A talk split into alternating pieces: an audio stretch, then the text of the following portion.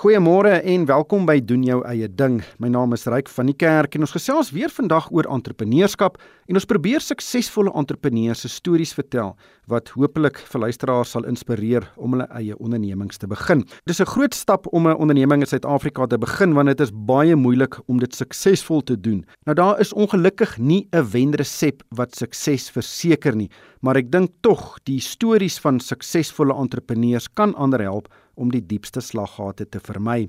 My gas vandag is Dr Judy Pretorius. Sy is 'n biomediese wetenskaplike en die persoon agter die Biomedical Emporium en dit is 'n besigheid wat meer as 170 skoonheids- en mediese produkte vervaardig en soos dit vir my lyk is die meeste daarvan behandelings vir mense se velle. Judy, baie welkom by die program. Vertel ons van die produkte wat jy vervaardig. Wat presies behels dit? Baie dankie Ryk.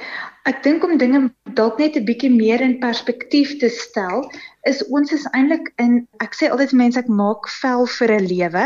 Met ander woorde, ons kweek vel wat ons altyd gebruik het vir brandwond pasiënte en dit sluit nou alle veltipes in, van jou ligte veltipes tot jou donker veltipes. En so verstaan ons die vel natuurlik baie baie goed. En dan kan ons die komstig produkte vervaardig om sekere velkondisies aan te spreek groot velkondisies wat ons heidaglik het is natuurlik akne, pigmentasie, teenveroudering, sensitiewe vel en selfs wonde en gekneusde weefsel as dit so sin maak.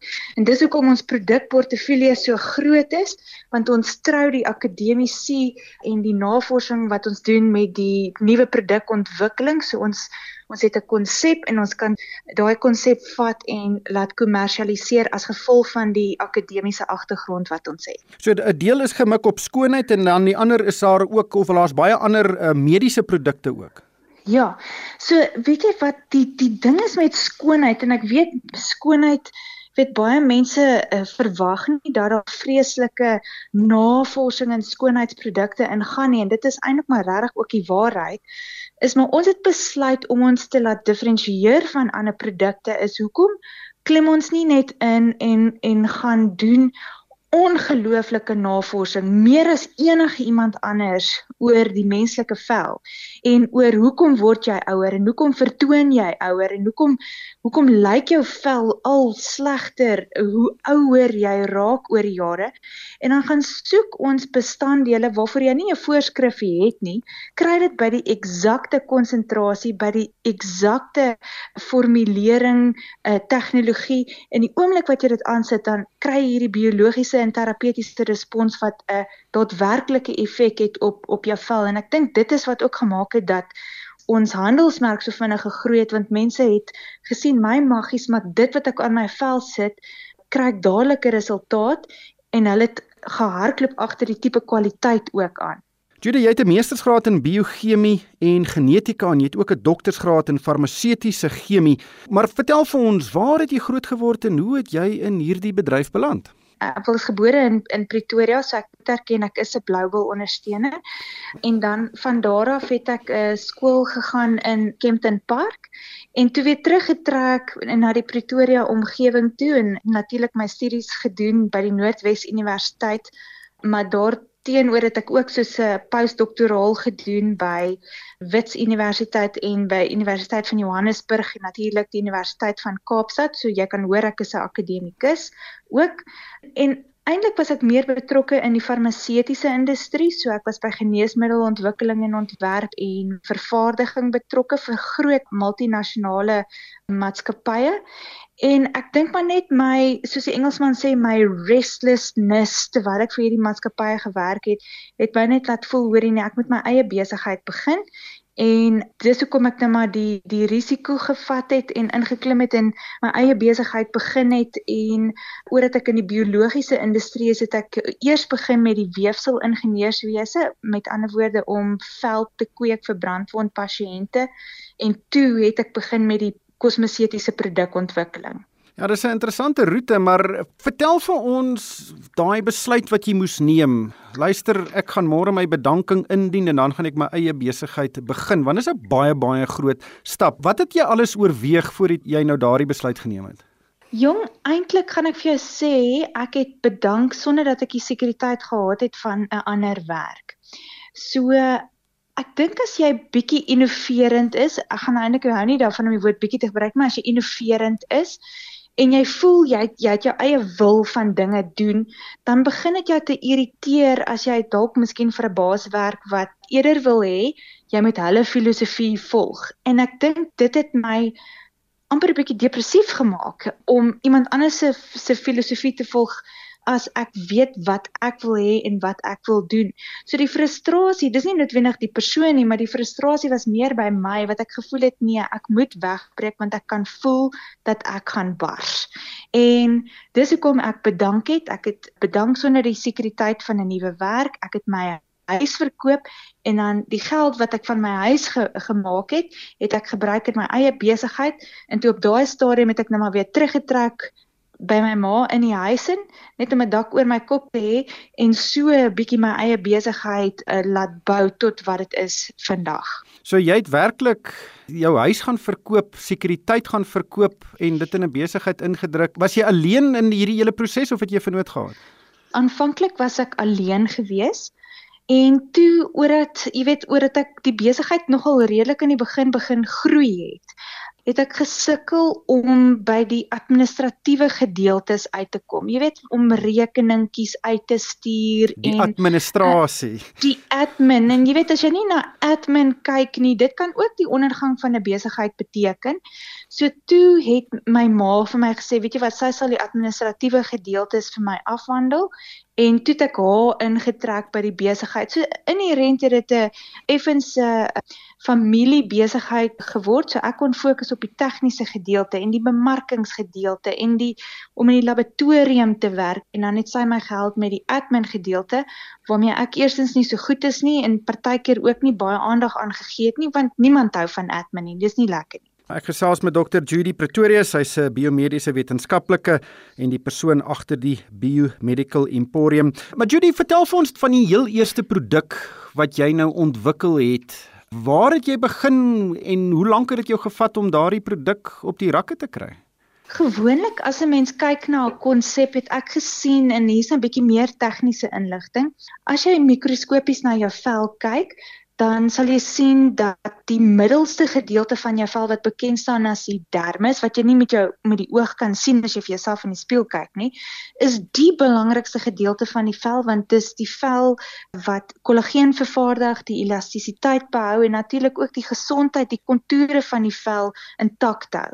So die eerste produkontwikkeling waarna ek gefokus het is het ek genoem 'n fibroblast protokol. Nou dis groot woorde, maar dit beteken eintlik fibroblaste is die selletjies wat in die dermis is wat kollageen vervaardig en ek het spesifieke bestanddele gaan kies en ek het dit in 'n serum verwante botteltjie sit soos 'n nagserum of 'n oggendserum wat as jy die produk aanwend dan penetreer dit na die dermis toe om jou vel te stimuleer om nuwe kollageen en elastien te vervaardig so die elastisiteit verhoog onmiddellik en diensooreenkomstig uh, uh, is die vogretensie in jou vel ook baie beter.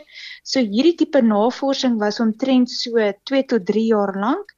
Met ander woorde 2 tot 3 jaar was dit 'n konsep en toe kon ek uiteindelik nadat ek al die validasie en stabiliteitsstudies afgehandel het, toe maak ons dit 'n kommersiële produk. So jy het bedank en toe vir meer as 2 jaar lank ontwikkel aan hierdie produk voordat jy dit kon begin verkoop het. Dis korrek. Intussen was my dienste nie heeltemal was nie net 'n navorsing nie. Ek het baie maatskappye gehelp en ek het uh, geld gekry om te konsulteer. So ek het gekonsulteer om mense te help om nuwe produkte te ontwikkel en so aan.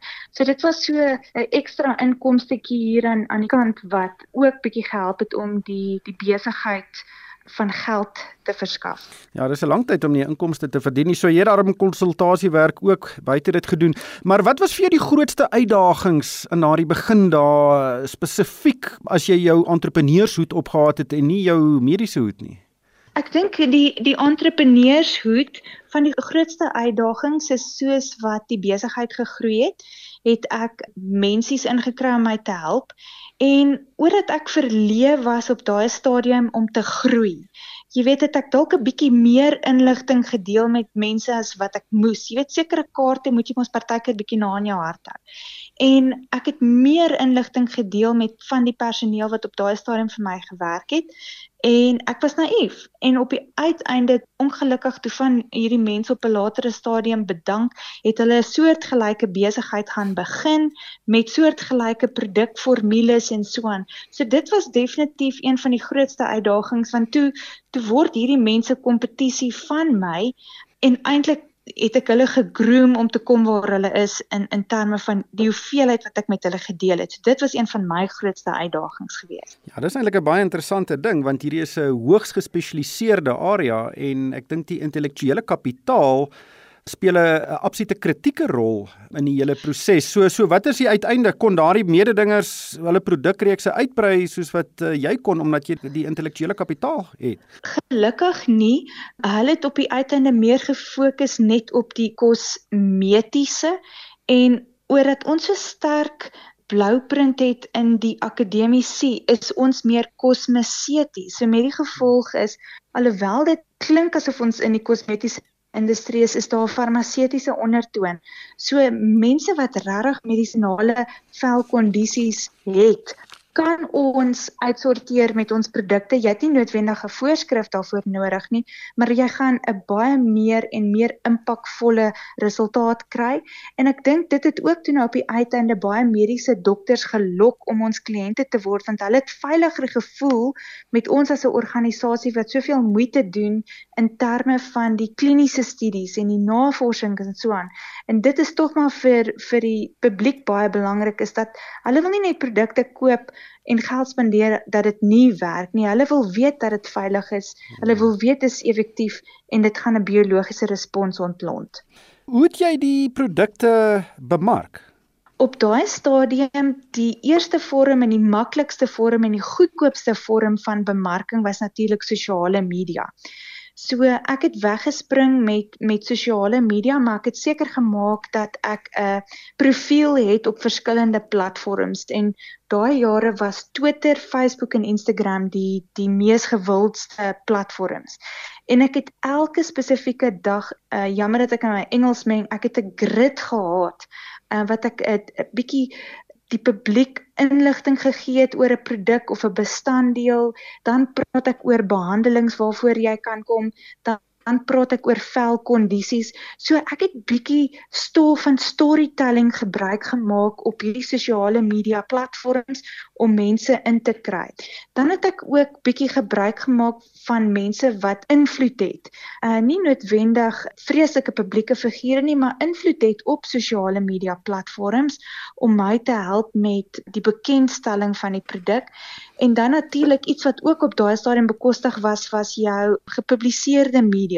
So jou voorstedelike koerantjies ensovoorts. Ek het van hulle gebruik gemaak om advertensies 20 so vrees ek duur was nie om my woord uit te kry en dan natuurlik het ek gesorg dat ek by mense uitkom. Jy weet ek het gereël, hoorie kom ons kom by Saterdag by mekaar. Ek vertel julle ons drink koek en tee.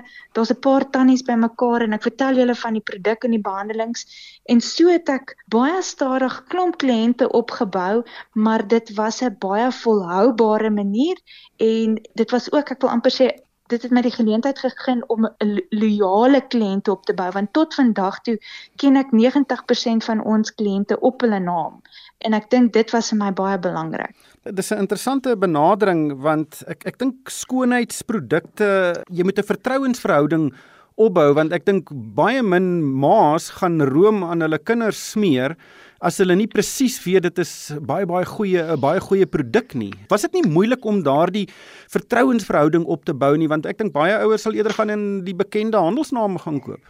Dit is so dit dit was regtig moeilik geweest om die vertrouensverhouding op te bou, maar ek dink weer iets wat teruggekom het wat my regtig baie gehelp het is natuurlik my akademiese kwalifikasies. So dit het my outomaties 'n natuurlike selfvertroue gegee. Ek het net geweet waarvan ek praat en ek het geweldig vertroue gehad. Hoorie, as jy sekere kondisies het, daar is net 'n paar goed wat jy kan kan doen om jou probleem uit te sorteer.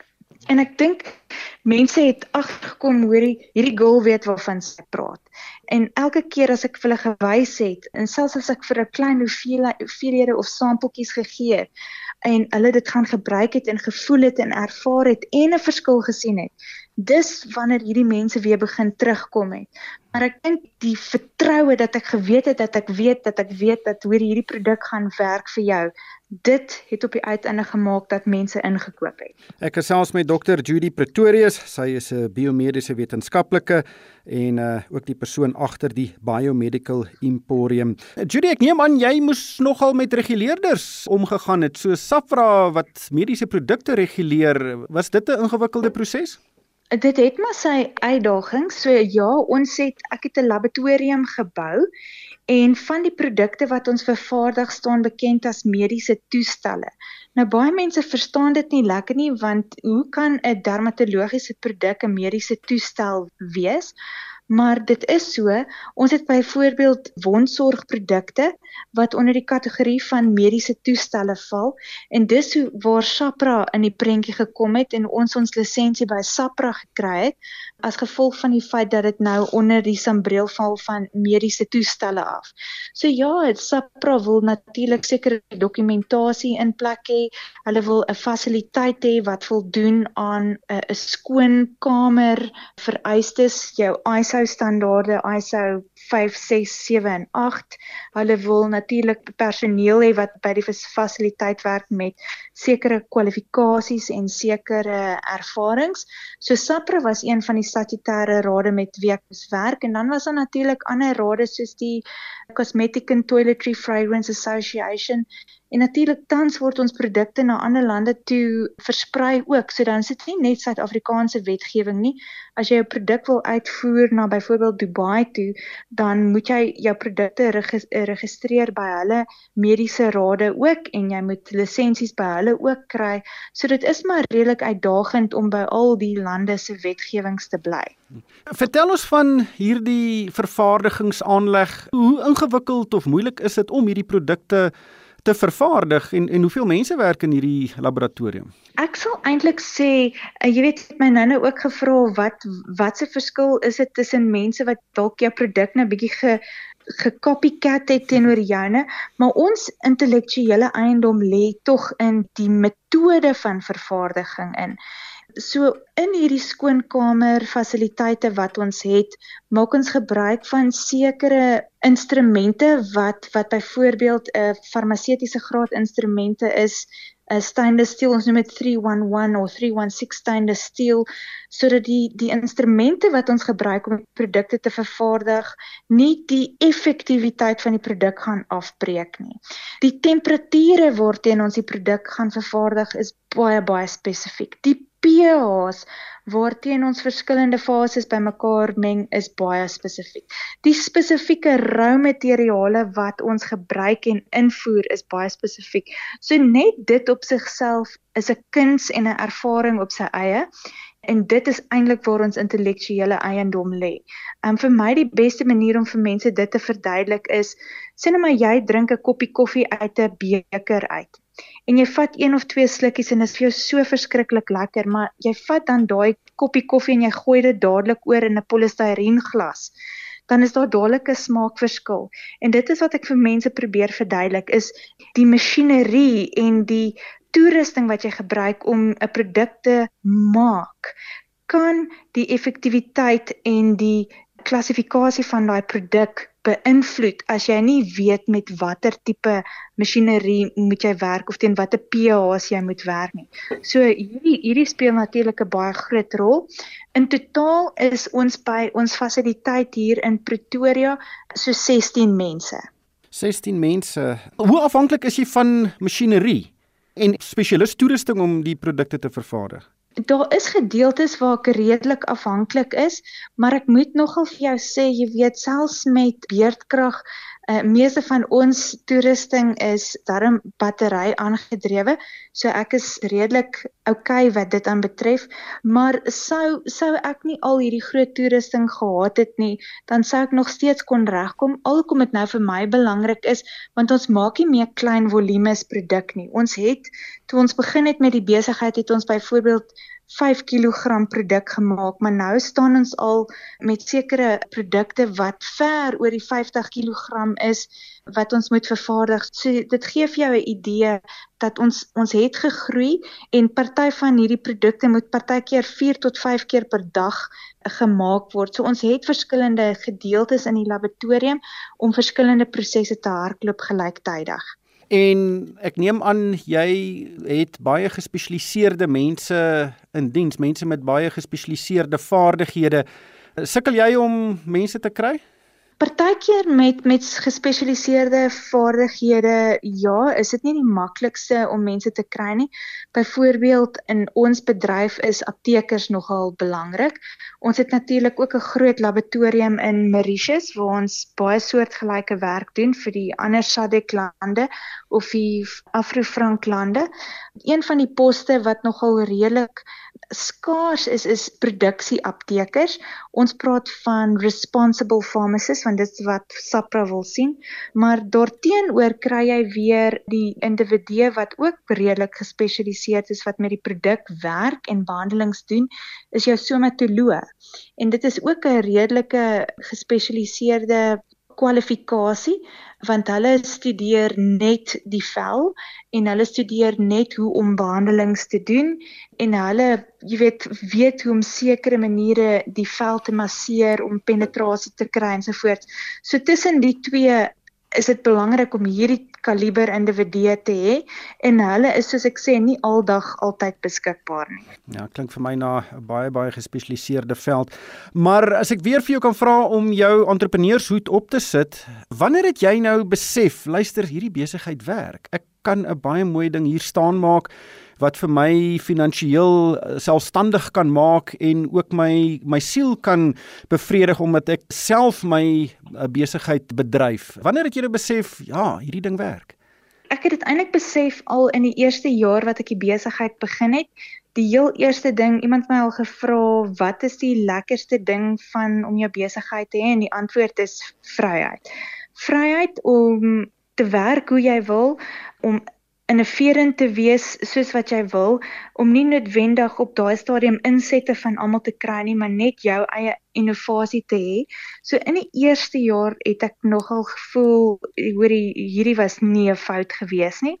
Wat ek wel ook gesien het is 'n bevestiging daarvan en ek het maar op week tot week gewerk.